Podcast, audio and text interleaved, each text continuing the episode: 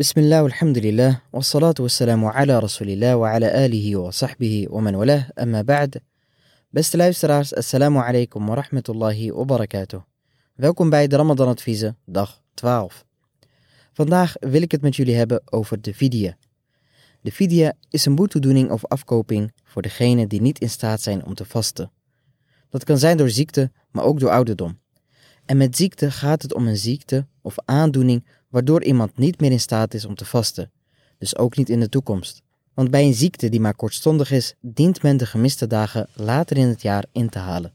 En diegene mag dan zelf bepalen wanneer dat is, zolang het maar voor de volgende Ramadan is. De fidya geef je uit voor elke gemiste dag van Ramadan. Dat houdt in dat je voor elke gemiste dag een arme voedt. En de fidya dient een halve sa' aan voedsel te zijn. En een sa' is een meeteenheid die gebruikt werd in de tijd van de profeten alayhi salatu. Maar aangezien we in deze tijd vooral met kilo's rekenen, hebben de geleerden uitgerekend dat een sa' neerkomt op anderhalf kilo aan droog voedsel zoals rijst, tarwe of macaroni. Dit gewicht is belangrijk voor wie graag droog en ongekookt voedsel wil geven, zoals bijvoorbeeld degene die de fidya naar een islamitische voedselbank wil brengen.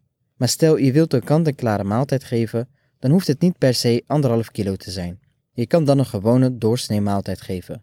Wel dien je rekening te houden met de voorkeur van de mensen in het land waar de maaltijd uitgegeven wordt. Dus het dient bijvoorbeeld een gerecht te zijn dat de mensen kennen en gewend zijn te eten. En verder is het belangrijk om te weten dat niet alle soorten voedsel geschikt zijn om als uit te geven.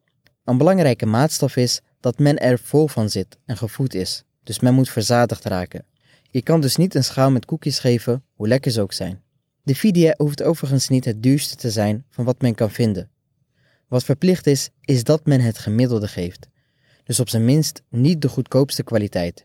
Wie overigens graag wat beters wilt geven, staat vrij om dit te doen. Dat is toegestaan en wordt zeker aangemoedigd. Denk aan de hadith waarin de profeet heeft gezegd: Niemand gelooft daadwerkelijk tot hij voor een ander wenst wat hij ook voor zichzelf wenst. Nu is een vraag die vaak terugkomt: moet de fidya per se voedsel zijn of mag het ook geld zijn? De profeet heeft ons geleerd dat de fidya te zijn. Zo wordt deze aanbidding en afkoping uitgevoerd.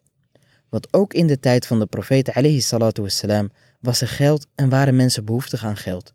Sterker nog, de mensen waren nog meer behoeftig dan wij in deze tijd. Desondanks heeft de profeet wassalam, ons bevolen om de fidya op deze specifieke manier in vorm van voedsel uit te geven. En daarom kunnen we niet afwijken van die methode en dient de fidya uitgegeven te worden in voedsel. Wat wel mag, is dat je iemand anders geld geeft die namens jou voedsel koopt en dat aan een behoeftige persoon geeft. Dus diegene fungeert dan als tussenpersoon. En wanneer moet je dan de fidya uitgeven? Je kan gelijk na elke dag dat je niet hebt gevast een arme voeden. Maar je mag ook wachten tot aan het einde van de maand en het dan in één keer geven. Zo deed bijvoorbeeld de sahabi Anas ibn Malik radiyallahu an dat. Toen hij door ouderdom niet meer in staat was te vasten, verzamelde hij aan het eind van de maand behoeftigen en voedde voor elke dag dat hij niet had gevast. Mag je ook alles aan één persoon geven? Het is beter als je het verspreidt over meerdere mensen. Maar mocht het zo zijn dat er weinig behoeftigen in de buurt zijn, dan kan je dezelfde persoon op verschillende dagen voeden. Dat mag ook dagen achter elkaar zijn. Alleen let op, je kan dezelfde persoon maar één keer per dag voeden. En tenslotte mag je de fidya naar het buitenland sturen. Dat mag in principe, Alleen is het in dit soort zaken altijd beter om eerst de mensen om je heen te helpen.